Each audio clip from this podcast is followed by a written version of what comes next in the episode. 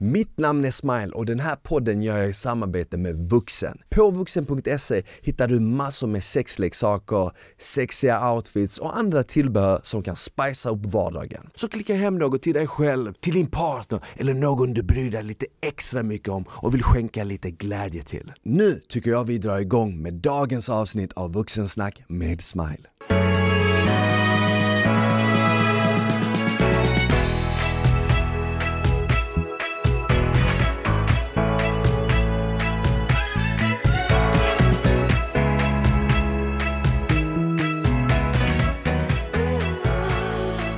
Hej och välkomna tillbaka till ett nytt avsnitt av Vuxensnack med Smile. Hoppas det är bra med er. I studion idag har jag med mig Erik Hemmingsson, epidemiolog och Sveriges främsta forskare kring övervikt. Dessutom författare med, som bland annat släppt boken Slutbantat. Välkommen Erik! Tackar, tackar! Kul att ha dig här! Ja, kul att vara här! Mm. Hur är det med dig annars då? Är det bra? Ja, det är jättebra. Nu är det ju den här roliga tiden på året och liksom våren och sommaren ligger framför oss. Det, Ah. det passar mig. Ja, jag, jag läste häromdagen att som tidigast kan våren komma den 15 februari i Sverige. Okej. Och då är det oftast nere i Skåne. Och nu kände jag typ häromdagen att det kändes som att det var lite varmare i luften. Det är på gång. Det är jag på känner, gång. Ja, jag känner det. Men det brukar alltid komma någon där sista som slutspurt, typ såhär i mars med eh, kyla eller snö eller någonting. Ja, nej jag vet och då, då gäller det bara att härda ut för att eh, det, det kommer Mm, eh, och eh, stå ut. Ja. Hoppas det blir en varm sommar i alla fall för det har varit en jävligt kall vinter tycker jag. Ja, alltså vi förtjänar en varm skön sommar. Först med corona-eländet och sen så eh, riktigt kyligt nu. Mm. Hur har du klarat dig under corona? Väldigt bra måste jag säga. På GH, min arbetsplats, så har vi ställt om. Allting sker digitalt. Så jag har bara suttit hemma och jobbat. Mm. Och sen har jag förmånen att få bo i ett stort eh, härligt hus. Så jag har det ganska bra. Min fru är läkare. Hon har jobbat med Corona hela, hela året på Sankt Göran. Okej. Så jag har backat upp henne nu. Eh, vilket känns väldigt bra. Hon måste ha haft mycket att göra. Hon har haft fullt ös. Alltså de har, de, det var plattan i mattan och eh, förblev plattan i mattan eh, speciellt här under hösten. För det var lite oväntat egentligen att det skulle komma så stor andra våg som det gjorde. Och nu snackas det om en tredje våg också kanske? Jag tror inte vi har sett det ännu. Jag, eh, jag, jag har inte sett någonting av det. Men, men visst, det kan gå lite upp och ner innan det slutligen eh, klingar av. Mm, mm. Ja, jag hoppas i alla fall nu med vaccinet som eh, har kommit att, att det försvinner för gott. Eller för gott kommer det kanske aldrig försvinna men att man liksom får ner nivåerna så att man kan leva normalt igen typ. Alltså virus är ju normala företeelser och vi har ju ett immunförsvar som, eh, som man kan lita på väldigt bra faktiskt om man inte är väldigt gammal. Det är så tydligt i statistiken att det är framförallt eh, människor som är äldre som avlider. Mm. Yngre blir ju sjuka men eh, det blir vi ju av olika orsaker, eh, inte bara virus. Ja, precis, precis. Du forskar ju en hel del kring övervikt. Vad var det som fångade ditt intresse kring just den forskningen och hälsa överlag? Ja, det är en jättebra fråga. Jag har själv funderat på det men jag har alltid varit väldigt intresserad av människor. Och eh, från början så var jag, jag har alltid varit väldigt idrottsintresserad. Mm. Och eh, träning, motion och då glider man naturligt in på kost. Ja. Och eh, det, det slumpade sig på så vis, på sätt och vis att eh, jag gled in på det spåret. Jag hade en tränare som var utbildad på GH och eh, när det var dags för mig att välja vad jag skulle plugga för någonting så testade jag det och läste en utbildning om, hälsa eh, och idrott där. Och sen så den ena saken ledde till den andra. Jag har aldrig haft någon plan Ja. utan jag liksom bara kör och sen så ser jag vilka dörrar som öppnas och sen så och helt plötsligt så är jag här där jag är nu. Ja. Och det blev väldigt bra. Ja men det är verkligen så, man kan aldrig liksom förutspå det när man blickar framåt. Men sen när du blickar bakåt då kan du verkligen sätta ihop alla punkterna och bara ah, okej nu fattar jag, jag. Det där väckte mitt intresse och det fick mig att plugga. Jag själv började ju jobba som personlig tränare men sen för ungefär ett och ett halvt år sedan efter att de flesta som, klienter som kom till mig sa liksom att det var inte träningen de hade problem med utan det var kosten. Det var då jag tänkte så här, men vänta nu. Jag har runt och varit liksom PT nu i fyra år och det är hur många som helst som är personliga tränare men vi fokuserar lite för mycket på träningsbiten och lite för lite på kosten. Låt mig istället liksom jobba på det och så väcktes mitt intresse till mat. Eh, så så det, det är roligt hur man snubblar in på olika öden typ. Ja, men jag tror väldigt mycket att det finns, det är nästan som att det finns någon kraft där ute i eten som knuffar oss lite grann så här. Mm. Och sen så kanske man inte riktigt lyssnar på det. Ja. och eh, missar, men då får man en till chans och sen så får man en till chans och till slut kanske man ändå lyssnar. Precis. Och så halkar man in liksom, så att jag tror väldigt mycket på att vi är alla på något sätt där vi borde vara. Ja. Det kan ju också vara att undermedvetet, utan att du själv vet det, så har du en kraft inom dig som knuffar dig åt en viss riktning. Du kanske, du kanske alltid var intresserad av hälsa och ville forska om övervikt och sen kombinationen med att du var intresserad av människor gjorde att det liksom ledde dig till de här stegen. Men eh, kan du förklara liksom vad är övervikt för alla som eh, lyssnar? Jag vet att det finns ett mått som heter BMI, men eh, kan du bara break it down liksom så enkelt som möjligt? Det finns många olika definitioner och eh, jag skulle vilja säga så här att eh, när vi gör epidemiologiska studier, till exempel hur utvecklas övervikt i Sverige, då använder vi BMI. Men Mm. det säger ingenting om vad kroppen består av. Så att om man är en rugbyspelare så kanske man inte har så mycket fett men du har mycket muskler, då blir du Mm. klassad som överviktig eller till och med med fetma. Men egentligen handlar det om att vi har ju fettceller i kroppen och de är ju dels en passiv energireserv men de är också ett eget eh, endokrint organ kan man säga. De utsöndrar eh, hormoner och andra ämnen som vi behöver. Så att eh, beroende på hur mycket fett man har, det vill säga hur många fettceller har och hur stora är de, hur aktiva är de, så kan de skapa en del problem. Det är därför vi är intresserade av det här med att man har för många och för stora fettceller så att, man, så att de börjar orsaka ohälsa. Men vi behöver också fett. Det här är så oerhört viktigt att poängtera därför människor tror att fett är bara dåligt men det är inte alls sant utan vi behöver verkligen fett för att må bra. Så det gäller att hitta den här balansen. För att göra det lite enkelt så är det att man har för, mycket, för stor fettmängd helt enkelt om den sitter på lite fel ställen. Aha, och fettmängden som man har, är den liksom ärftlig eller är det något som eh, man eh, får genom liksom olika val i livet, omgivningen? Ja det där är en jätteintressant fråga. Det är den här klassiska arv och miljö. Mm. Så att det är ju oerhört mycket på den genetiska sidan. Det kan man ju se om man bara studerar från generation till generation hur barnens BMI eller kroppsform kan man säga överensstämmer med sina föräldrar. Eh, så att det är väldigt mycket genetik, ungefär 30-50% genetik. Men vi måste också komma ihåg att den miljö vi vistas i påverkar vårt genuttryck. Så Mm. den här miljön som vi befinner oss i nu med snabbmat och stress och klasskillnader och sånt där eh, som är kopplade till att man utvecklar övervikt den aktiverar också eh, så att vikten trycks upp den vägen. Så miljön påverkar generna, det liksom snurrar runt så här. Okej, så, så nästan som att du, du föds med ett visst sätt av gener, men miljön kan förstärka olika faktorer. Exakt, precis. Miljön förstärker. Sen är det naturligtvis också väldigt mycket vår livsstil. Mm. Och eh, rör du på dig, jag menar använder du kroppen, vi behöver ju muskler precis lika mycket som vi behöver fett eller mer nästan. Eh, och eh, vad äter du för någonting? Äter du skräpmat eller äter du mat med högt näringsinnehåll, bra protein, kvalitet och så vidare? Eh, sover, alkohol, rökning. Det är liksom väldigt multifaktoriellt allting. Men det blir som en helhet så att säga, en, en slags helhetspoäng Mm. om man kan säga så. Så precis som att liksom omgivningen kan förstärka de här generna negativt så kan den också förstärka de positiva Exakt, generna. Genom exakt. att träna eller genom att äta sunt så kan du, om du föddes kanske med ett sätt av gener som inte är optimala så att säga, så kan du liksom ändå förbättra det. Så det är inte skrivet i sten att du kanske kommer lida av övervikt när du är äldre. Nej, det är det inte. Men eh, det som är viktigt är att vissa människor kommer att ha lätt att gå upp i vikt. Mm. Och det kan bero exempelvis på hur mamman hade det när hon var gravid. Okej. Eh, vad hade man för födelsevikt? Även eh, föddes man med kejsarsnitt eller normalt?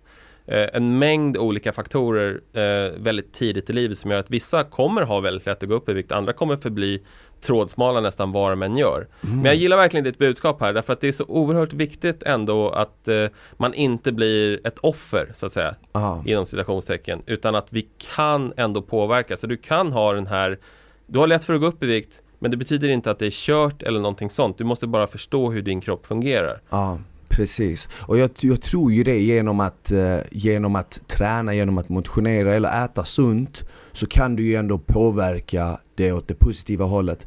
Även om vi idag lever i en värld där vi konstant blir bombarderade av liksom stora företag som lägger miljontals på marknadsföring på att sälja liksom produkter till dig som inte är bra liksom för hälsan. Men jag tyckte det där var intressant det där med eh, mamman, hur hon liksom äter och hennes omgivning innan du kommer till liksom. För jag vet själv att jag vägde otroligt mycket när jag eh, föddes. Jag vägde nästan 5 kilo, typ 5 kilo. Ja. Och de första 18 månaderna så var jag, åt jag otroliga mängder. Jag var riktigt stor, nästan till den punkten då läkaren sa till min morsa han måste sluta äta så mycket för det kommer inte vara bra för han.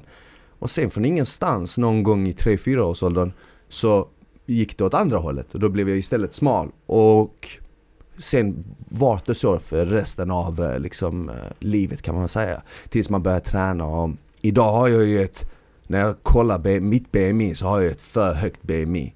För min längd, det vill säga att jag väger ju 90 kilo men jag är 1,84 lång och då blir mitt BMI högre. Men BMI räknar ju inte in muskelmassan. Exakt. Så, så därför är det också lite svårt att veta exakt vad ditt rätta BMI är. Exakt. För du ska ligga på mellan 20 och 25 som normalt, eller hur? Mm, ja.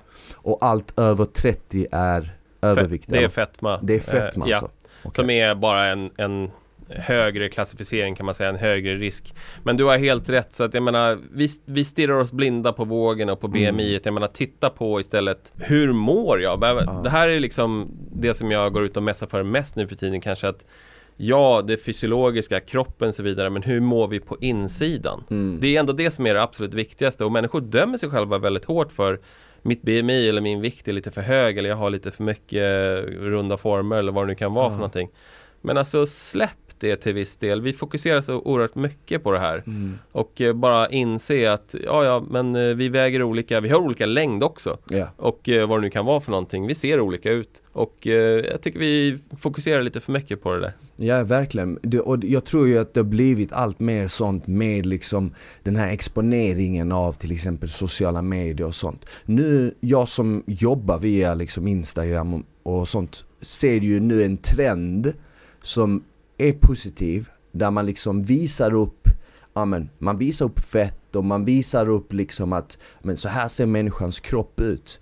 Eh, och det tycker jag är nice, att det finns en trend som liksom visar på att det är okej att ha liksom fett på kroppen och bara för att du har lite fett på kroppen betyder inte det att det är ohälsosamt. Det är bara liksom när det kommer till en nivå som är eh, som, som kan påverka och lid, eller leda till hjärt och kärlsjukdomar, det är då det blir farligt, eller hur? Absolut, men då skulle jag säga att alltså, hälsa är ju väldigt multifaktoriellt. Alltså det beror på hundratals olika faktorer. Och eh, de här sambanden som vi ser mellan övervikt och fetma och utveckling av hjärt-kärlsjukdom, de är ju det är omöjligt att argumentera emot dem skulle jag säga. Eh, eller nästan omöjligt. Så att det finns ju där, ungefär som att det finns samband mellan eh, dålig kost och ohälsa och så vidare.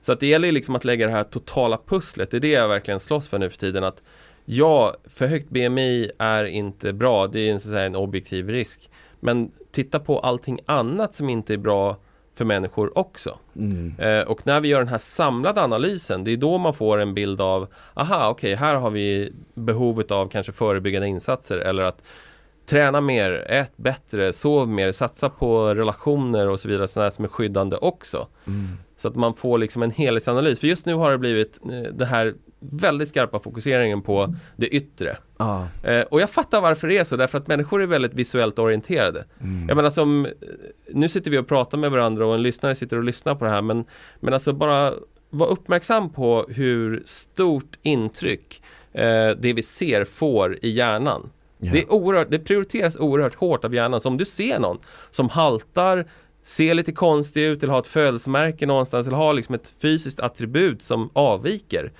Vi är direkt där och bara skannar av. Ja. Och då hamnar kroppen liksom hela tiden i luppen. Egentligen borde vi ha en lupp liksom för, men hur mår du? Men det har vi ju inte. Nej. Men det är det visuella som totalt dominerar våra intryck. Är det något ärftligt liksom som vi har haft? För någonstans har jag ju också läst att det är något som vi har tagit med oss sen vi var grottmänniskor och det handlade om att liksom hitta en lämplig partner. För att du ville, du ville få barn som kunde vara så friska som möjligt så att man överlevde. Liksom. Ja, Det tror jag har jättemycket med saken att göra. Vi är ju så att säga flockdjur i grunden på många sätt. Att vi lever i de här mindre grupperna eller större grupper. Men, men där, vi, där det är väldigt viktigt att kunna avgöra, är det här en person som är en del av min grupp så att säga, Mm. eller inte? Så att det tror jag ligger väldigt nedärvt i oss och att då vara väldigt vaktiga så att säga på sånt som avviker. För Ja. det är liksom så här, Ja. vad var det?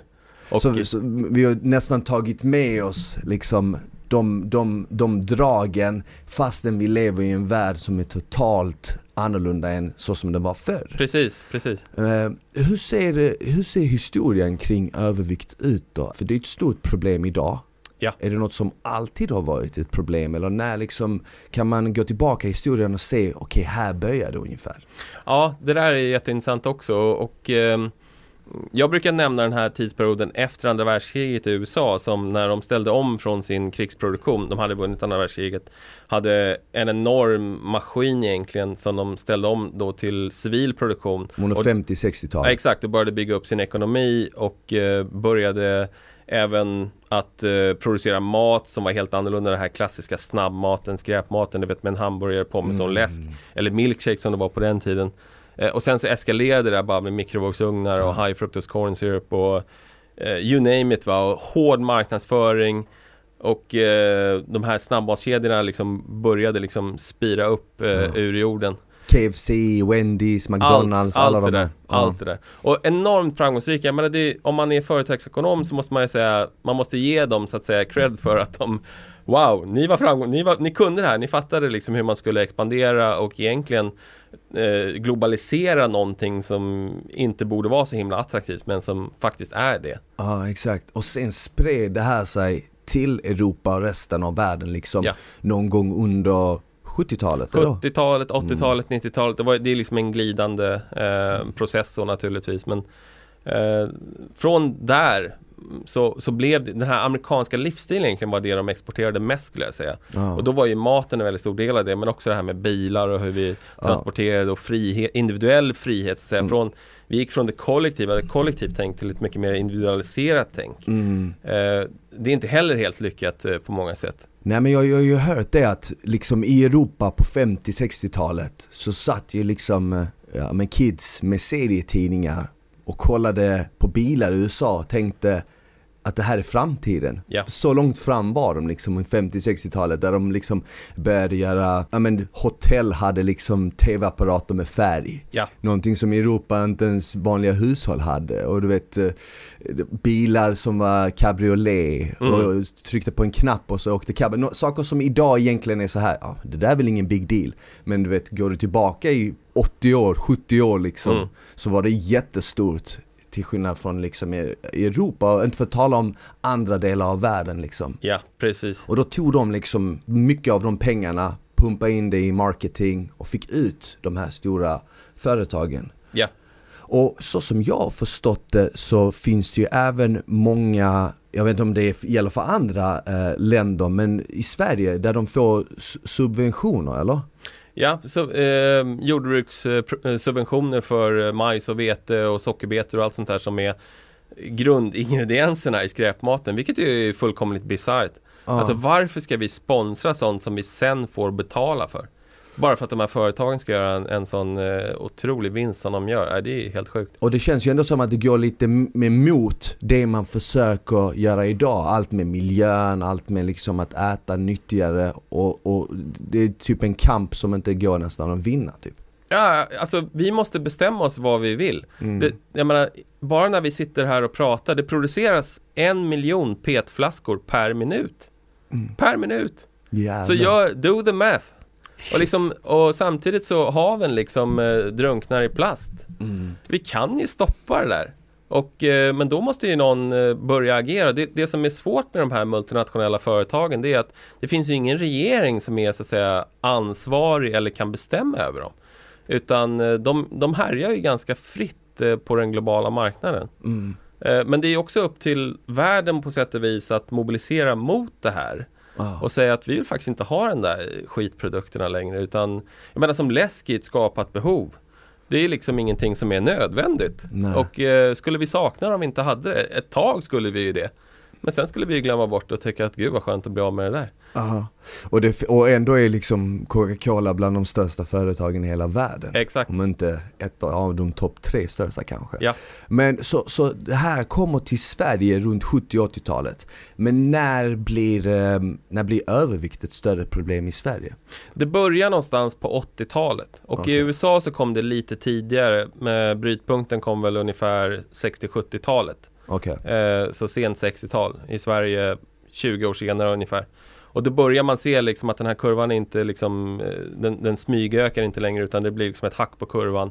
Och eh, vår förekomst av övervikt och fetma börjar eh, ticka iväg. Det kan man se exempelvis från värnpliktsdatabasen, alltså där, där, där unga svenska män mönstrar. Eh, där vi har väldigt bra täckning på hur, eh, vad de presterade på konditionstest, IQ-test och, och längd och vikt och allt sånt där. Så man, kan, man ser väldigt tydligt att, att det började smyga iväg.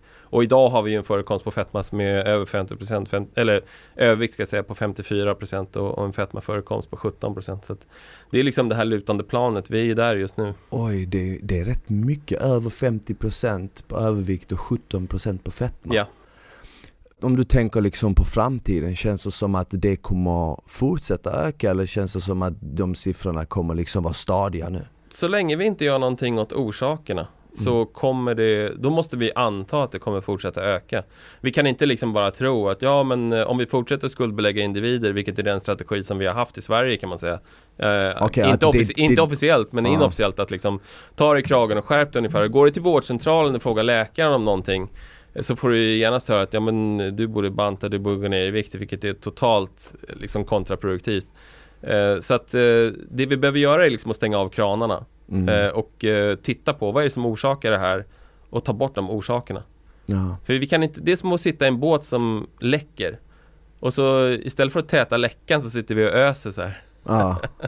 Och, och, och det så mer eller mindre ta andra utifrån det, läkare eller folk som kanske inte lider av övervikt eller fetma, ta det lite med en klackspark och lite som att, ja men skyll dig själv, det är Precis. liksom ditt fel. Precis, det här är liksom vad som är det stora problemet att det ses ju verkligen som självförvållat. Det står till och med i läkarmanualer från 1800-talet, vi stod i och för sig mycket trams där, men patienter med övervikt de karaktäriseras av en svag karaktär. Det, det här står i läkarmanualer, alltså, vilket är helt sjukt. Eh, de är lata och dumma och tar inte ansvar. Dessutom är, är de moraliskt lågt stående därför att det här är sånt som belastar samhällsapparaten. Det här står alltså i man, Shit. det är fullkomligt hårresande. Och sen så har de här fördomarna, för det här är bara baserat på fördomar, eh, fått leva vidare bara och bli värre och värre och värre. Så när man kommer till en läkare så är det liksom du, jag har ont i foten, kan du hjälpa mig? Ja men du borde gå ner i vikt. Nu när du berättar det här så kan jag bara gå tillbaka till när jag började i en ny skola. När jag bara var 10 år liksom ska jag börja i en ny skola. Första dagen i klassen och jag var ju liksom så här fotbollskille, jag var väl, alltså inte vältränad men jag, jag, jag var liksom sprang, var stark för min ålder och så vidare och så vidare. Första dagen i skolan och så var det en bänk som stod tom. Och så sa de eh, andra killarna i klassen, ja men han ska du inte hänga med, han får du inte umgås med. Så jag bara, ja, varför, varför inte? Nej men han är tjock. Ja men gud. Det var det första jag fick höra och det var bara någonting som slog mig nu när du berättade att från barnsben så finns Mm. kanske just det, det föraktet. Eller nästan, det är nästan som att, ja men skyll dig själv, hur kan du vara så liksom klumpig, hur kan du men så som man har förstått nu så är det ju inte, det är ju inte ditt fel för att ett, genetiskt sett och omgivningen kan påverka många faktorer. Stress kan påverka och göra så att du har en period i ditt liv där du lägger på dig väldigt mycket vikt. Eh, du kanske tröstäter eller vad som helst och helt plötsligt så har du gått upp 20 kilo. Du har inte ens tänkt på det för det går väldigt fort. Ja. Det går ju väldigt fort. Det finns ju en dokumentär, vad heter den? Super Size Me Mm. kanske? Där han eh, lägger på sig under hur snabb tid, det är liksom en månad eller Ja. något sånt. Ja. Och så lägger han på sig vad, typ 15 kilo eller 20 kilo. Något sånt. Och, och det enda han gör är att käka McDonalds varje dag, men det är under en sån kort period. Mm. Och det är någonting som jag möts av varje dag av folk som liksom vill komma igång med träningen och vända sig mot mig och vill börja käka nyttigt och, och, och ofta är det alltid samma mönster. Det kan vara ett destruktivt förhållande, Det kan vara att man kanske har blivit av med jobbet. Det kan vara eh, någon tragedi inom familjen. Men olika faktorer som orsakar att en person vänder sig mot kylskåpet och börjar äta och tröstäta och, och helt plötsligt så lägger de på sig 15-20 kilo. Verkligen, det var kul att du säger det där. Eh, eh, dels tror jag många behöver höra att det är så att säga inte mig det är fel på. Mm. Men vi har ett samhälle som är väldigt skuldbeläggande faktiskt, nästan var det än är. Det handlar inte bara om vikten. Men det är ju så tydligt kopplat till hur man mår på insidan. Ja. Så stress och trauma, det här har jag ju själv forskat på. Det är ju så tydligt kopplat till överviktsutveckling. Men också vi ska komma ihåg det här med att eh, det här med hur mycket kan man egentligen styra vad man väger. För det här är, eh, kroppen har ju vad som kallas för olika system för att reglera saker och ting. Om du går och donerar blod exempelvis, ja. en halv liter, då sitter det ju sensorer i dina eh, i kärlväggarna och på andra ställen som känner av att shit, vi har torskat, vi ligger i en back en halv liter. Och din kropp kommer börja producera tillbaka så att du är tillbaka på en optimal blodvolym igen. Och lite grann är det så med fettet också. Det står under en sån här homeostatisk reglering som det kallas. Att eh, hjärnan känner av och börjar vi banta och gå ner i vikt exempelvis. Det kan man göra kortsiktigt även om det är jättejobbigt så kommer kroppen också känna av det och återskapa den fetman mm. som man har blivit av med. För fettcellerna försvinner inte. De försvinner utan de inte. blir de, bara mindre. De krymper, de, krymper. De, de, töms på sitt innehåll. De består till mesta delen av triglycerider och sen så töms det. Det metaboliseras, vi gör av med det och förvandlas till värme. Eh, men sen så börjar vi samla på oss igen. Så att det är liksom det här med hur mycket kan man kontrollera sin vikt? Eh, ja, till viss del kan vi ju det. Framförallt kortsiktigt. Och sen så har kroppen sådana fiffiga, starka och uthålliga system för att få som den vill i det långa loppet. Ja, och det känns ju också som att vi styrs otroligt mycket av våra vanor. Det är nästan mm. det som är den största kampen. Ja. Det är liksom din programmering. Vem har du varit de senaste tio åren? Det kommer nästan visa vem du kommer vara de kommande tio åren. Om man inte ser upp, verkligen. Om, om man inte ser upp, om man inte verkligen försöker att göra en förändring och den förändringen är inte så lätt. Nej. Speciellt inte på egen hand och speciellt inte när du står ensam mot ett samhälle eller ett system som är skapat för att du ska vara en konsument. Du ska liksom eh, svänga in här på den här drive-inen ja. eller du ska liksom eh, sätta dig med och eh, kolla på Netflix och vad gör man om man kollar på Netflix? Ja men man har chips och dipp till mm. exempel. Mm. Du vet det finns de här underskrivna reglerna, du vet. Och, om man är ute och firar ett kalas, vad gör man då? Då skålar man. Och då ja. firar man med alkohol. Och du vet, alla de här grejerna är ju jag säger inte att det är fel, jag, jag tar en drink själv ibland, jag kan äta en pizza, en burgare men det är viktigt också att förstå att eh, många olika system är skapade för att du ska fortsätta konsumera. Oh ja,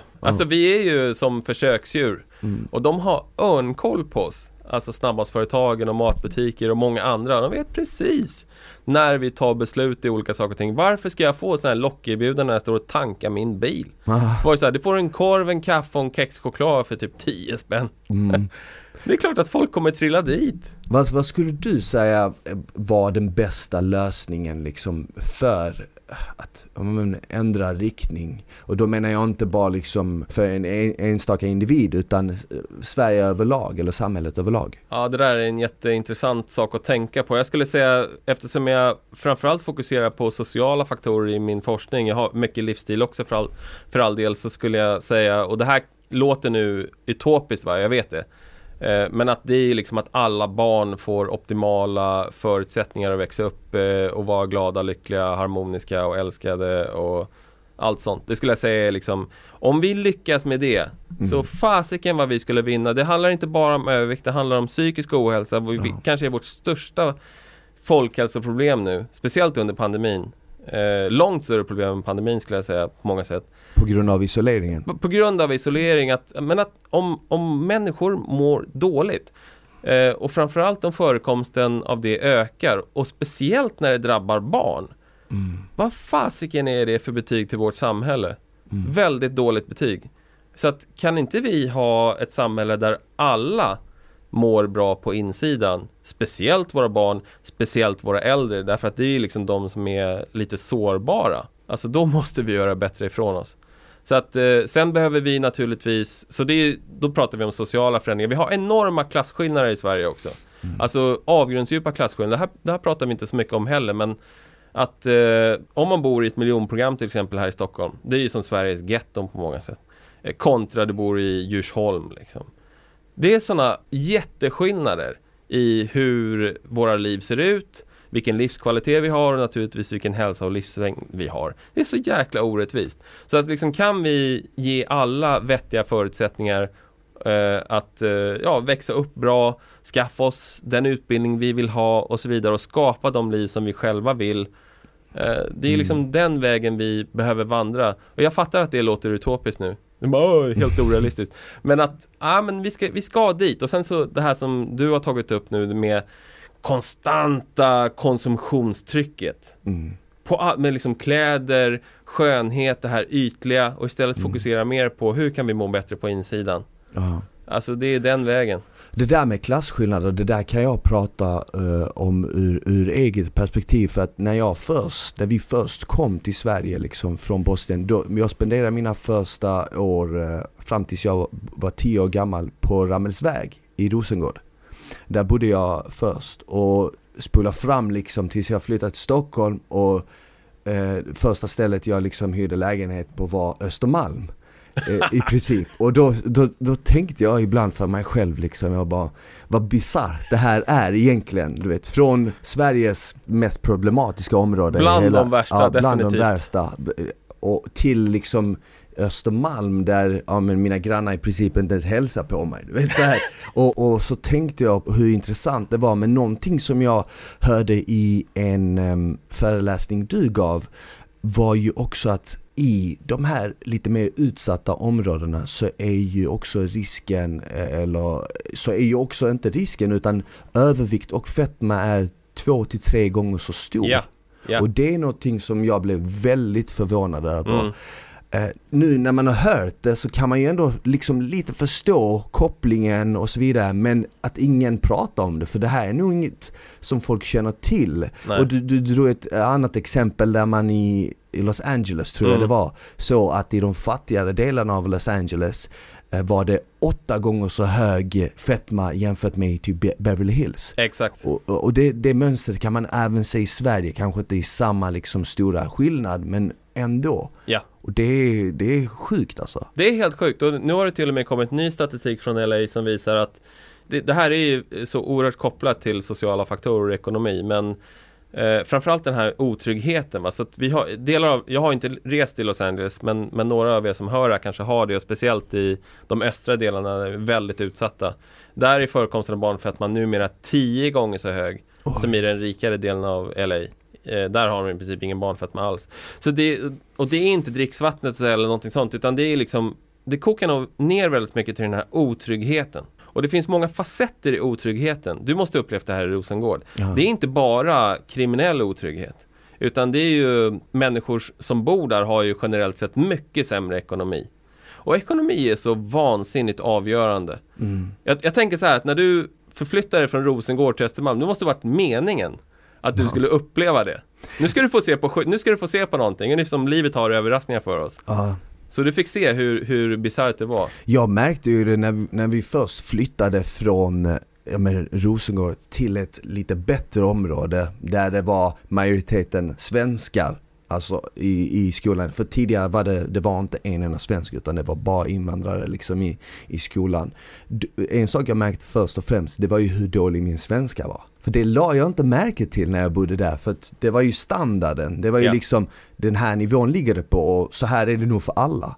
Men sen när jag flyttade dit, då märkte jag att shit fan vad dålig min svenska är. Och sen när jag kom tillbaka och hälsade på ett år senare, då sa de gamla vännerna shit fan vad bra din svenska är. Så det är så här, så att jag tror ju att, eh, jag tror att vi människor också, det som påverkar omgivningen är också att du blir en del av den på så sätt att din standard sänks eller höjs beroende på hur din standard runt om dig ser ut. Ja. Så att, eh, skulle man ta liksom, ja men säg en unge från den här drabbade delen i Los Angeles och låta den växa upp i Beverly Hills Mm. så hade ju också den ungen haft mycket bättre förutsättningar. Oh ja, vi, vi är alla en produkt av vår miljö. Mm. Och ju, ju, mer jag funderar på det här, alltså vad är det som händer när två människor eller fler möts i någon typ av fysiskt sammanhang? För jag märker ju på dig, du är liksom en varm, empatisk person som har lätt för människor och som känner av människor. Jag menar om Mm. du fick en klient som inte mådde bra, det skulle ju du märka direkt. Ja, Eh, och ehm, hur vi liksom snappar upp det här. Det är som att det nästan är som en slags fysisk överföring mellan, mellan människor. mm. Eh, och vi som språk eller värderingar, normer, det är sånt som du snappar upp direkt naturligtvis. Mm. Eh, oavsett var du är någonstans. Om du Ja. flyttar till Paris så skulle du man skulle ju anamma så att säga, ett parisiskt beteende precis. oundvikligen. Eh, och jag tror att det är så. så. Vi är bara sådana produkter av vår miljö. Det tycker jag är en väldigt fin egenskap hos människor. Att vi liksom inte bara blåser på som ångvältar. Mm. Utan vi anpassar oss till vår miljö och eh, finner någon, någon slags normalläge där. Ja, Och vistas man i en miljö som är väldigt otrygg, men det, det smittar, det är liksom social smitta. verkligen. Åt båda hållen, så det kan vara positivt också. Verkligen, och, och det är ju, jag tror, men just det tror jag måste vara någonting av liksom tusentals år av evolution liksom. Det var förmodligen det som fick oss att överleva och neandertalarna dö ut liksom. Ja. Att vi var så bra på att anpassa oss. Ja, Och det, det tar vi ju med oss idag. Och Mm. både på gott och ont. Eh, liksom hamnar du i en situation där, du, där det är fight or flight så anpassar du dig otroligt snabbt. Ibland så snabbt att hjärnan inte ens hinner tänka utan det är Ja. bara dina, dina reflexer som bara reagerar. ren instinkt. Ren instinkt. Och, och, och om man vänder på det så tror jag också att har du liksom, lider du till exempel av övervikt eller fetma om du kollar runt om dig så kan du förmodligen se att människor runt om dig är i samma sits. Ja, För jag skulle tro att det är väldigt svårt att hamna i en sån sits om du bor i kanske ett hem där alla är supervältränade liksom. Precis. Och aktiva. Inte för att det inte finns, det finns ju säkert. Men jag tror bara att chansen är väldigt mycket lägre. För Ja. att du blir ju lite som de fyra, fem närmsta du umgås med. Eller du, du blir liksom summan av det mm. och sen ett genomsnitt på det. ja precis. precis. Så att eh, vi formar oss efter vår miljö. Det är liksom speciellt när vi är små. Då, då är ju föräldrarna, speciellt mamma när vi är riktigt små, har ju sånt oerhört inflytande på oss. Mm. Och eh, sen så blir det ju mer syskon och kompisar som vidare och skola och sådär som Så det, det formar oss verkligen och det, det, är liksom, det är därför jag säger till dig tidigare här att vad kan vi göra? Ja, vi kan ge alla människor riktigt bra sociala förutsättningar att blomstra så mycket de bara kan och vill. Mm. Men det gör vi inte idag tyvärr. Och det gör mig så vansinnigt eh, irriterad och förbannad och ledsen att, att det ser ut så här. Men det är liksom dit vi måste. Ja, för att övervikt och, och, och fetma kan man också koppla till eh, livslängden. Ja. Eller hur? Ja. Så kan man med andra ord då- säga att livslängden i ett utsatt område är betydligt mycket lägre Oh, än ja. till exempel på, säg Östermalm. Oh ja. Det är oh, så ja. Så pass, att, eh, alltså, om- även fast vi är i samma stad liksom, Stockholm. Stockholm är vansinnigt segregerad. Det gäller Malmö, det gäller Göteborg, det gäller Linköping och Uppsala, våra stora städer. I Sverige, om du tar röda linjen från Mörby till Hallunda så sjunker den förväntade livslängden med 7 till 8 år. Så stora skillnader är det. Det här gäller inom Göteborg och sannolikt inom Malmö. Jag har inte sett siffror från Malmö. Nej. Men det är alltså vår miljö eh, som totalt eh, styr det här. Människor med eh, högt BMI lever, eh, speciellt om de har ett BMI typ över 35, lever ett kortare liv, kanske 4,5, och det finns analyser som visar ungefär 4,5 år kortare livslängd. Mm. Eh, det är det är, nästan som en uh, rökare ungefär. nej, det är något mindre än Något rökning. mindre. Det, rökning kostar ungefär 7 till 8 år i förväntad livslängd. Oj. Så det är mindre än rökning, men eh, det är ändå en, en avsevärd minskning i förväntad livslängd. Men jag kan ta lite andra positiva exempel. Och det är det som gör att jag kämpar för det här med att vi ska inte hålla på och banta för det är bara destruktivt, det är Mm. kontraproduktivt, det leder inte till någonting bra i det långa loppet. Men att fokusera på hälsosamma vanor, och just det här med träning är ju naturens mirakelmedicin. Mm. Och det är därför du jobbar med det, det är därför Ja, jag och många andra jobbar med det. Ehm, Vasaloppsåkare lever ju ungefär 7 till 8 år längre liv Det än människor som inte tränar. Så, så, så det, det, det, det jag älskar med det du sa, det är ju att även om rökning eller liksom dåliga matvanor kan dra av några år så kan du också få tillbaka eller få flera år med liksom bara genom att träna och röra på I dig. realiteten så sitter vi alla med två vågskålar. Ja. Det här är liksom på mitt pluskonto. Sen har jag lite på minuskontot. Men jag vill inte bli av med det. Jag vill ha några laster så att säga i fred.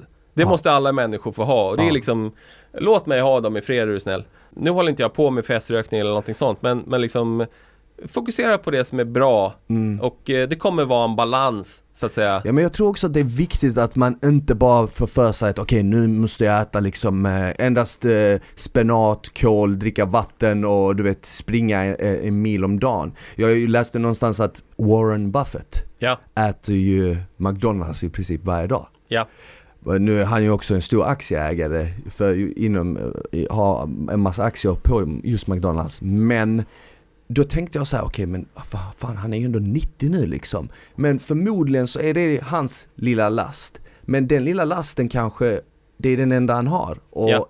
ingen stress överhuvudtaget utöver det. Mm. För att såklart ekonomisk frihet bidrar ju också till att, att du inte, att du slipper ju den här stressen som många utsätts för. Hela tiden liksom att, ja ah, men shit, nu har jag haft en lön, nu är de pengarna slut, nu måste jag vänta på nästa Ja. liksom. ja, Så bara genom att, att om du äter skräpmat betyder inte det liksom att livet är över. Du kan ju fortfarande må hur bra som helst på alla andra fronter. Oh Men oh jag ja. tror det kan också vara den här kombinationen som gör det farligt. Att dåliga matvanor, stress, kanske rökning, ingen motion och så blir det liksom så här ett halvår, ett år, två år Ja. och så helt plötsligt så sänks det. ja, precis. Det här du sa om ekonomi nu, det är liksom så oerhört avgörande. Om, om du bryter ner USAs befolkning i hundradelar, från rikast till fattigast, Mm. så eh, USA som vi vet har enorma klasskillnader. Det, men det skiljer 15 år i förväntad livslängd mellan den fattigaste hundradelen, vilket är fattigdom verkligen, mot den rikaste, Warren Buffett och Det är hans polare. otroligt. Det är 15 år. Det är otroligt. Så att det, det du säger här nu om stress och så vidare, alltså eh, de, har man varit fattig jag har aldrig varit fattig men jag har, varit, eh, jag har skrivit två doktorsavhandlingar. Jag har ju liksom levt under pressade ekonomiska omständigheter som säkerligen du gjort också. Det är inte jättekul. Nej. Det är liksom, det är, mm, det är väl den här otryggheten. Att man liksom inte riktigt vet. Kommer jag förlora jobbet eller kommer jag bli av med mitt boende? Eller mina relationer, allt det här som är så genuint viktigt för oss. Mm. Om man oroar sig för sånt eh, istället för att man kanske tänker på vilket hotell ska vi äta frukost Ja. på idag? Aha. Och när det kommer till pengar så tror jag, jag tror att, att inte ha det skapar ju stress. Men sen att ha så att du vet att du klarar dig bra, då mår du bra. Men allt utöver det tror jag inte skapar någon mer större lycka. där, där minskar ju nyttan. Ja exakt, exakt. Så jag tror att eh, om du liksom eh, har 10 miljoner på banken eller 10 miljarder tror jag inte du kommer vara mycket, eh, mycket, mycket gladare av det. Utan Nej. jag tror bara det är det här första steget för att slippa det, det liksom, vad ska man säga? Slippa stressen. För Slipp- stressen ja. är nog en stor bov. Otrygghet, stress och så Exakt. vidare. Ja, ja, verkligen. Så att eh, liksom, det viktiga här är att man liksom, bara man inte har det riktigt jävligt. Mm. Du kan ha det liksom jobbigt ibland, det är okej. Men du ska inte ha det konstant. För Ja. då blir du utmattad, du blir nedbruten av det. Ja. Eh, och det är då man verkligen så att säga blir sjuk. Därför att livsomständigheter formar hälsa. Mm. Det är det som är så viktigt att belysa. Man ser inte alltid det, men det är därför människor i Hallunda lever så mycket kortare liv än i Danderyd och Djursholm. Det är liksom de liven de lever, den här Ja. utsattheten. Och jag läste någonstans eh, i, jag vet inte vad det var, någon artikel att det finns delar av Glasgow i Skottland var eh, livslängden var liksom för, för män var nere på 60 år. Absolut. Och så fanns det andra delar i, i Storbritannien var det var liksom uppe på 80. Ja. Och det här är liksom nästan stenkast bort.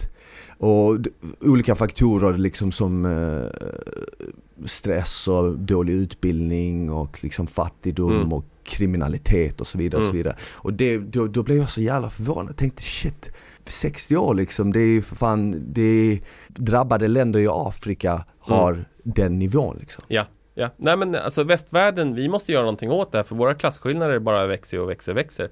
Och eh, i Storbritannien, jag bodde jag skrev min första doktorsavhandling i Storbritannien så att där var ju, det var så uppenbart att liksom deras miljonprogram jag gick absolut inte in där Nej. Utan det var liksom eh, Det var snäppet värre än det vi har i Sverige Det Tyckte var på jag egen risk liksom. Det var det Ja. verkligen Så att, eh, nej de här sociala Jag var just i Glasgow eh, bara för strax innan Corona slog till Mm.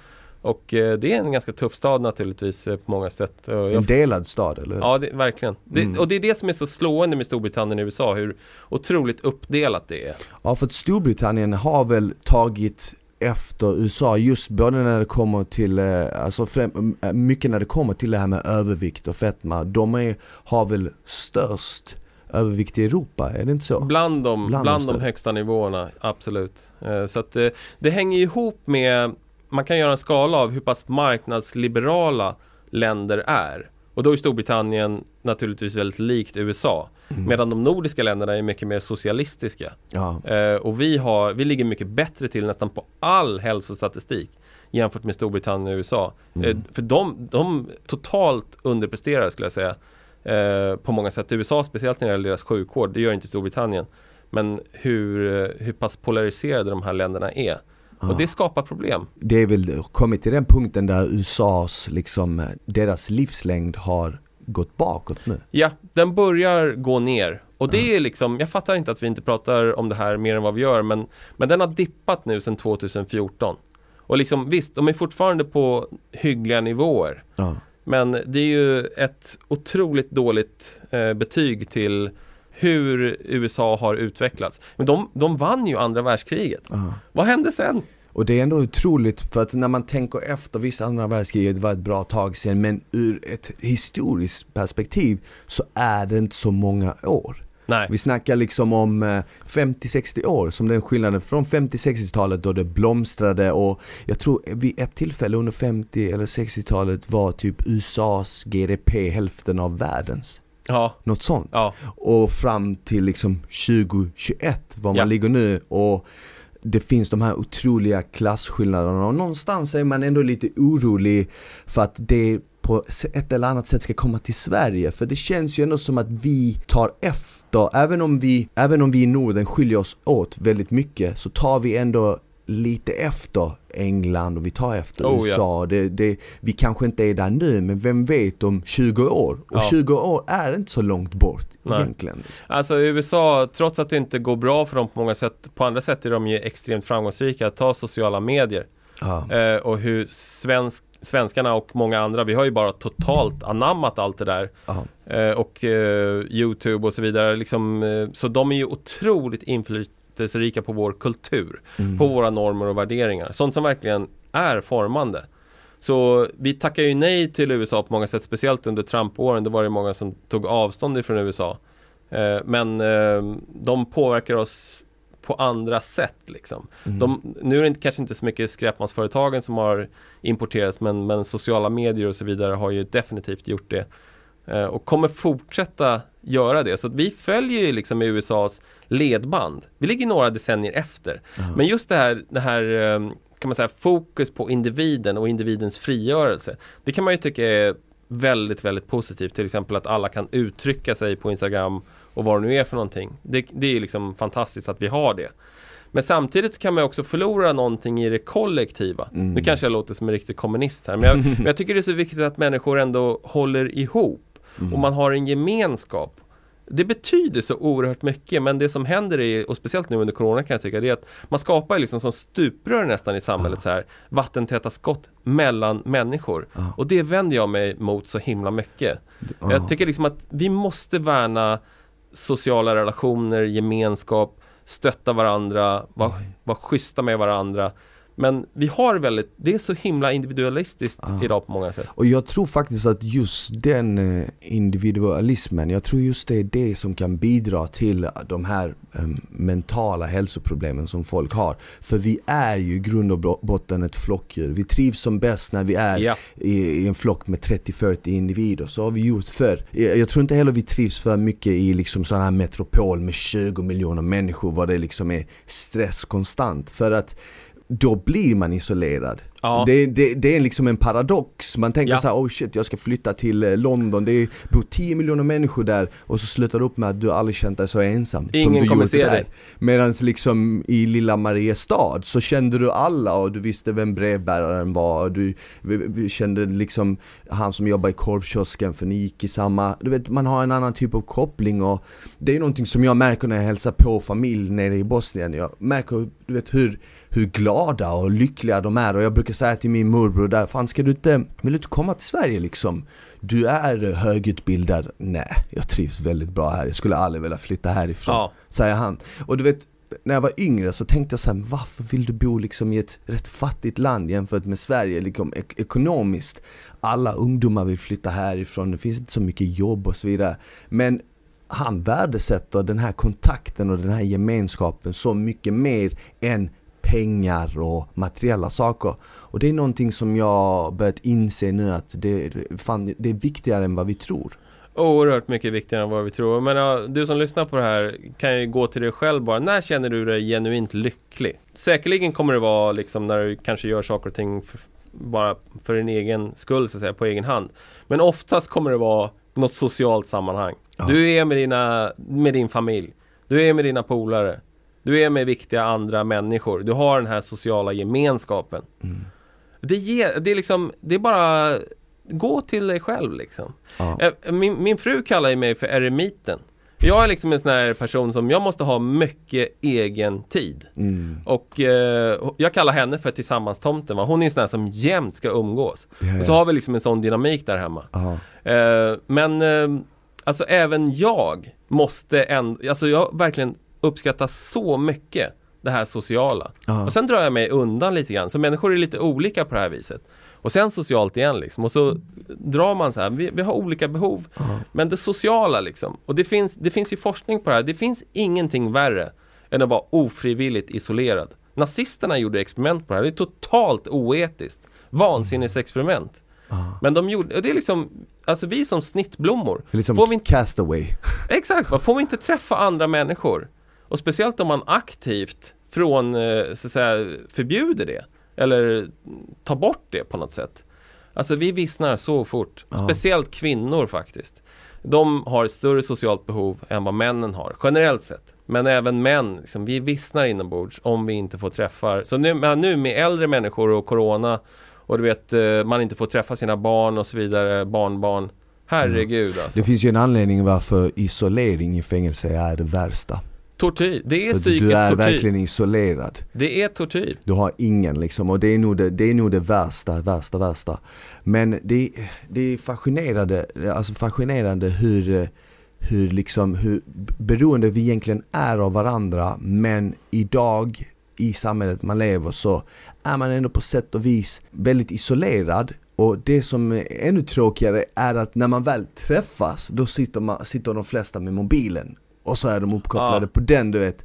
Så blir det att du umgås men du umgås aldrig riktigt. För att Nej. det är alltid, du ska alltid liksom ha den här apparaten i din hand och, och det snor din uppmärksamhet. Och för att komma tillbaka till ja, men gigantiska företag som vill liksom att du ska konsumera plattformarna är ju fortfarande också, det är precis som McDonalds, det är en annan tjänst Ja. som, som, som vill sno din uppmärksamhet. Ja. Och du är fortfarande konsumenten. Precis. Och de bombar dig liksom med, med likes och med ja, men, eh, kommentarer som kommer få dig att känna att ah, men här har jag något, här har jag någon typ av samhörighet, här Ja. hör jag hemma du vet. Fast den, egentligen allting är på låtsas och inget är på riktigt. Ja, det, blir, det är så ytligt och Mm. eh, de vet ju också hur våra belöningssystem fungerar. Så precis som Coca-Cola säljer läsk och McDonalds och så vidare, de säljer saker som aktiverar eh, de här belöningssystemen via dopamin, serotonin. Mm. Eh, vad tror du Facebook och Instagram och allt det här gör?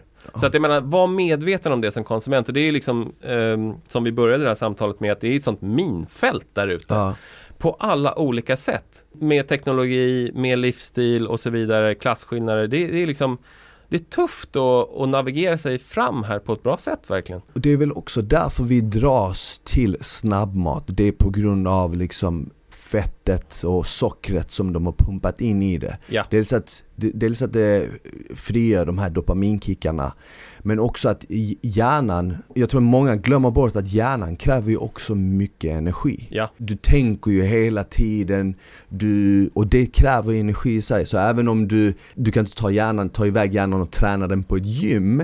Men bara genom att, och det, det vet man ju om man har pluggat något eller läst något. Bara genom att sitta ner och skriva så kan du bli utmattad en dag. Ja. Fast du inte ens har rört på dig. ja, Bara för att hjärnan har fått jobba så mycket. Och hjärnan söker väl sig till näring som är packat med energi och där är ju fett överlägset mer energi än kolhydrater och protein. Ja, ja fett och socker, Ja. eh, absolut. Det bästa man kan göra för sig själv det är att inte känna den här pressen att sitter du till exempel och har en hel del kilon på dig eller kanske lider av fetma. Att inte sätta den här pressen på dig själv att om två eller tre månader så är sommaren här och då måste jag liksom vara i form och så kanske du har 20 eller 30 kilo du vill bli av med. Ja. Gör du det så har du nästan redan skjutit dig själv i foten. Ja. För att även om du lyckas gå ner 20 kilo eller 30 kilo så är det oerhört svårt att bibehålla den vikten du Ja. kommit ner på. Tyvärr. För att, för att grejen är den, du har hamnat där förmodligen av liksom dels genetiska skäl men sen också av din omgivning och vanor som, har, som du har byggt under 20-30 års tid. Tre månader kommer inte ändra det. Och det är därför jag försöker alltid pusha på att tänka långsiktigt. Ja. Jag försöker alltid säga till folk, men livet är långt, du vet. Du behöver inte stressa, du behöver inte ha det här inom eh, liksom 12 månader, du behöver inte ha det här liksom inom en månad. Om du bara gör små medel varje dag, du vet. Mm. Ta små försiktiga steg varje dag i rätt, rätt riktning. Ja. Och det kan vara liksom att börja med en promenad på en kvart runt kvarteret eller du vet Ja. så här skippa eh, läsk med massa socker i. Ja. Bara sådana här små grejer varje dag som kommer leda till, du ändrar dina vanor och kommer leda till en stor förändring i framtiden. Ja, precis. Precis. Så eh, alltså livet är ett maraton. Men Ja. vi triggas ju hela tiden att tänka så kortsiktigt. Mm. Det jag skulle uppmuntra, om du känner att du har liksom kilon som du inte trivs med Det tror jag nästan alla människor har idag för vi är så påverkade av skönhetsidealet Så eh, försök att jobba liksom på de här inre faktorerna som gör att vad är, vad är det som gör att du inte trivs med dem? Och eh, är det inte viktigare att man ändå eh, liksom trivs med sig själv kanske oavsett hur man än ser ut? Eh, och jag fattar att det här är, är jättesvårt. Man måste liksom gå till sig själv och verkligen fundera på men vad är viktigt för mig? Men att kanske då sätta liksom det här inre välmåendet i det absoluta centrumet Ja. för vad som är viktigt. Och släppa liksom det här med yttre faktorer, attribut, utseende. Mhm. Även om det är jäkligt svårt eh, men liksom att sätta hälsa och välmående eh, i fokus. Men det här kan ta år, ärligt talat. Man får liksom ha en inre dialog med sig själv där man inte dömer sig själv. Men det som du har varit inne på nu, det kanske är en, en, en process som har pågått i flera decennier. Man kanske fick höra från skolsköterskan att du, är lite, du ligger lite över din kurva liksom. Och där börjar liksom alla dåliga vanor och bantning och hetsen och, och, Mm. Och ibland hör man det till och med från hemmet. Ja, Det kan vara ibland liksom absolut. Även om eh, eh, di, di, dina föräldrar är dina bästa vänner så ibland, de är ju bara människor. Ibland kan, det- kan du också höra något negativt av dem som kanske sätter sig lite fel. Oj shit vad du har lagt på dig på sistone eller Ja. något. Och så känner du bara, åh fan, fan alltså min egen, min egen mamma sa det där. Eller min, Ja. e- min egen bror sa det där. Fan, om, om han sa det, undrar vad andra människor tycker och så blir det liksom en negativ spiral av det hela.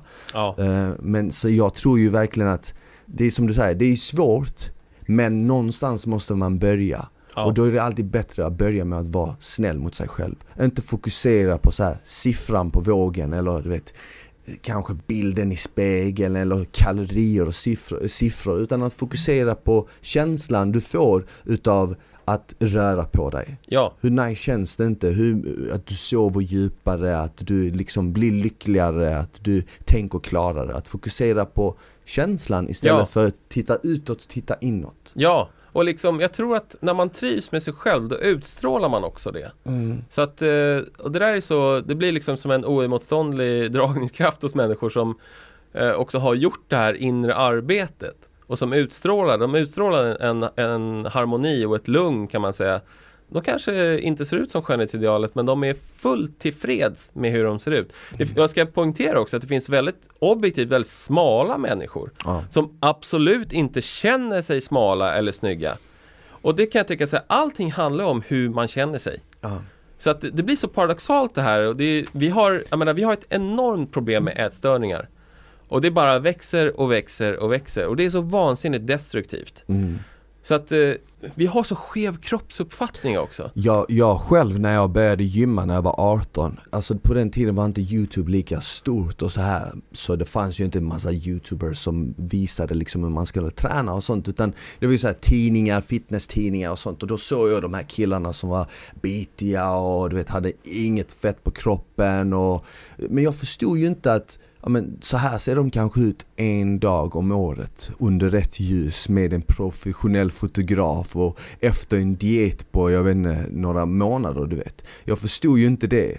Um, så jag tänkte, men jag vill också se ut sådär och började du vet skippa alla kolhydrater, allt fett och åt bara liksom kyckling, kvarg, tonfisk, drack bara vatten och efter några månader så hade jag i princip inget fett på kroppen och, och jag fick fram musklerna men inombords mådde jag inte så bra. Nej. Och jag märkte också hur jag fick komplimanger för utseendet till den punkten att jag nästan baserade hela min värdighet på utseendet. För att om det enda du hör är shit vad snygg du är eller shit vad rippad du är eller shit vad du ser stark ut eller oh, hur, fan vad nice med magrutor. Då tänker du att okej, okay, alla säger samma sak så det måste vara det enda jag är. Ja. Och så har du den här bilden och så vill du hålla fast vid den. För att om du har en dålig dag och om du lägger på dig fett, då är du ju inte värd något. För kom ja. ihåg, det enda du är värd är det de har sagt. Ja. Det är de, de tankarna du liksom brottas med. Tills jag insåg liksom att shit, du vet det här är ett dåligt mönster, jag måste liksom börja äta normalt och,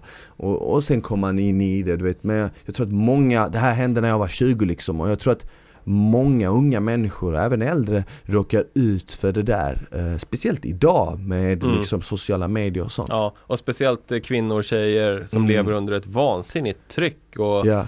Jag menar jag tyckte att jag, jag har alltid tyckt att ja. jag har varit väldigt mentalt stark och jag har alltid känt så här, fan alltså jag klarar av allt, bara släng det på mig. Men även jag råkar ut för något sånt och då kan jag bara tänka, shit det måste ju vara ännu tuffare för just till exempel för tjejer som lever under ännu större press. Ja, ja verkligen. Nej, det är, det, det är galet och det finns en hel del data faktiskt på, det var intressant att du tog upp det här med hur du mådde psykiskt för att när man håller på och bantar och liksom äter konstigt och det är nästan bara protein och så vidare Det påverkar det psykiska måendet. Det finns ju massor med data på det här. En av de första studierna som som ni kan kolla upp om nu, det är Minnesota-experimentet. Det var från slutet av andra världskriget när man verkligen svälte ner människor. Inte så extremt faktiskt, bara hälften av deras normala energiinnehåll eller energiintag.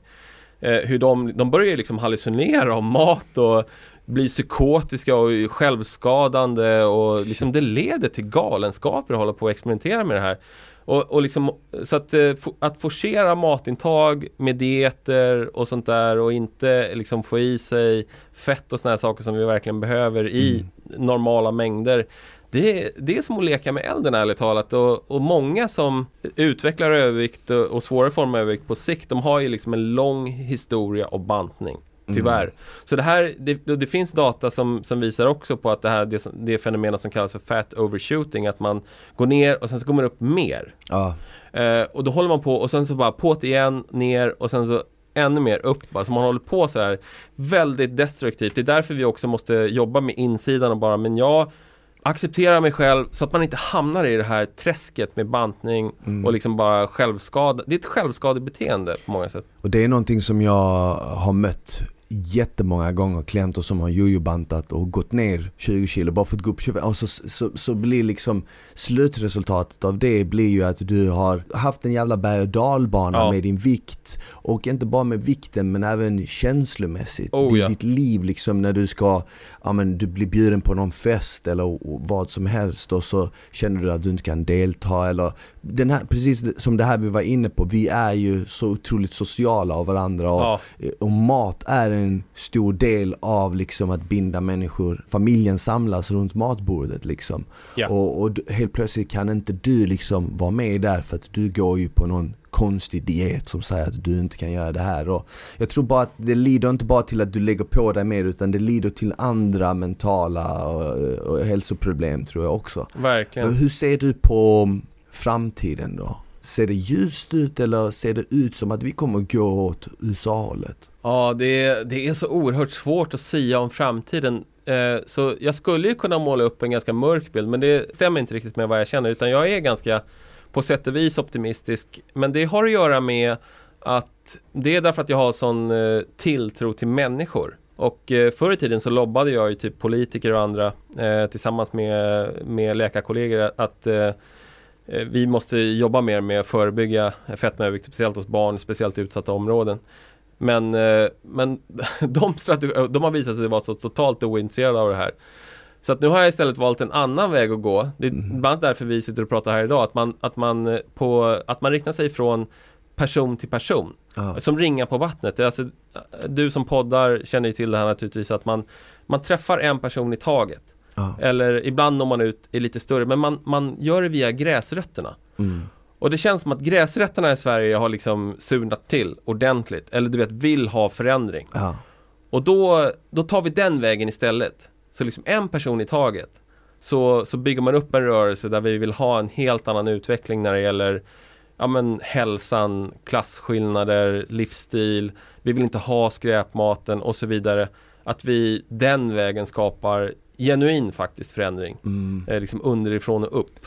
Det är ah. det här jag tror på. Det här ger mig sånt hopp. Och kan man sprida sådana här positiva budskap så eh, en person i taget så kommer vi förändra saker. Det kommer inte gå speciellt snabbt. Men det här är en utveckling som har pågått i säkert flera hundra år om man, om man drar det riktigt långt bak tillbaka i tiden. Mm. Men vi, vi kommer komma dit och ibland så kan man bli väldigt förvånad att förändring liksom Helt plötsligt så tippar isberget va, bara skick. Mm. Och sen så tror man att ja, jag tror det här skulle ta hundra år. Nej, det gick ganska fort. Ja, så att eh, ingen kan förutspå framtiden, inte jag heller. Men jag känner mig på det hela väldigt eh, glad och med tillförsikt eh, mm. på framtiden.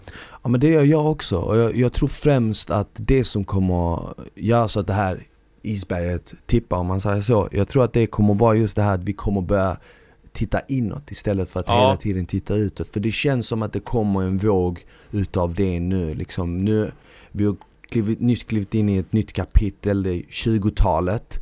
Och det känns som att folk börjar kolla lite mer inåt och, och jag tror ändå på sätt och vis att just den här pandemin och den här eh, att, att vi har varit isolerade, även om det har varit negativt på så sätt att man inte kan umgås så tror jag ändå det har, så jag tror ändå att det har fått oss att stanna upp och reflektera lite. Men du vet, vem är jag? Är jag lycklig vad jag är? Är det här jag vill vara? Eh, hur ser min framtid ut? Vet, saker och frågor som man aldrig ställde sig innan för att man var konstant på väg någonstans. Man mm. sprang i den här åttan. Ja, ekorrhjulet. Exakt, och, och, och, och, och sen på det så har du ju alla de här företagen som hela tiden också vill sno din uppmärksamhet. Och det är också ett sätt att liksom förvirra dig och du vet få dig att känna ja, men, att du hela tiden har en massa grejer att göra. Att du inte hinner stanna upp och fråga dig själv hur du mår. Så jag tror ändå att pandemin på så sätt har fått oss att känna att shit, men jag kanske inte mår sådär superbra, vad beror det på? Och just det att man stannar upp, det tror jag också kommer hjälpa folk att inse att men jag behöver kanske inte den här skräpmaten och det kanske bara var en trygghet som jag fick i mig liksom, eller när, när, jag, när jag mådde lite dåligt. Vad jag egentligen behöver göra är det här och så kommer det mm. leda till något positivt. Mm. Mm. Ja, jättebra inlägg om just pandemin för den En kris är ju alltid jobbig men den är också Den ger ju tillfälle att reflektera mm. och komma underfund med Trivs jag på det här jobbet? Släppa på konsumtionshetsen och kanske skapa sig det liv som man ändå drömmer om. Mm. Och liksom att faktiskt ha den respekten mot sig själv. Att eh, jag tänker inte jobba på det här skitjobbet med en dålig chef eller taskiga kollegor eller vad det nu är för någonting. Jag tänker starta liksom det här som jag verkligen drömmer om. Kanske en, ett café, en restaurang eller en liten affär eller jag vill ägna mig åt konstnärliga saker. Någonting mer genuint mänskligt mm. och släppa på ekorrhjulet. Jag tror många är där just nu och liksom en hand på sargen liksom. Ja, ja, ja, Men eh, snart så kommer de liksom släppa ett finger i taget va och sen så kommer de ge sig ut i det där. Jag vet att det är skittufft just nu att vara mm. småföretagare mm. men pandemin kommer att försvinna. Mm. Och då tror jag, då får liksom det här gamla livet se upp. Det, och det, det, ser jag väldigt eh, positivt på. Mm. Ja det har varit eh, otroligt kul att ha det här Erik. Och jag hoppas för alla som lyssnar att de har tagit med sig något nytt. Det har jag definitivt gjort. För alla som lyssnar, din bok Slutbantat. de, man kan eh, köpa den på nätet. Det finns en ljudbok också och eh, man kan eh, lyssna på den i spåret eller vad som helst. Ja men grymt. Gör det och tack så mycket för att du kom hit idag. Och tack så mycket för att ni lyssnade. Ta hand om varandra, ha det bäst, vi hörs i nästa avsnitt. Ciao!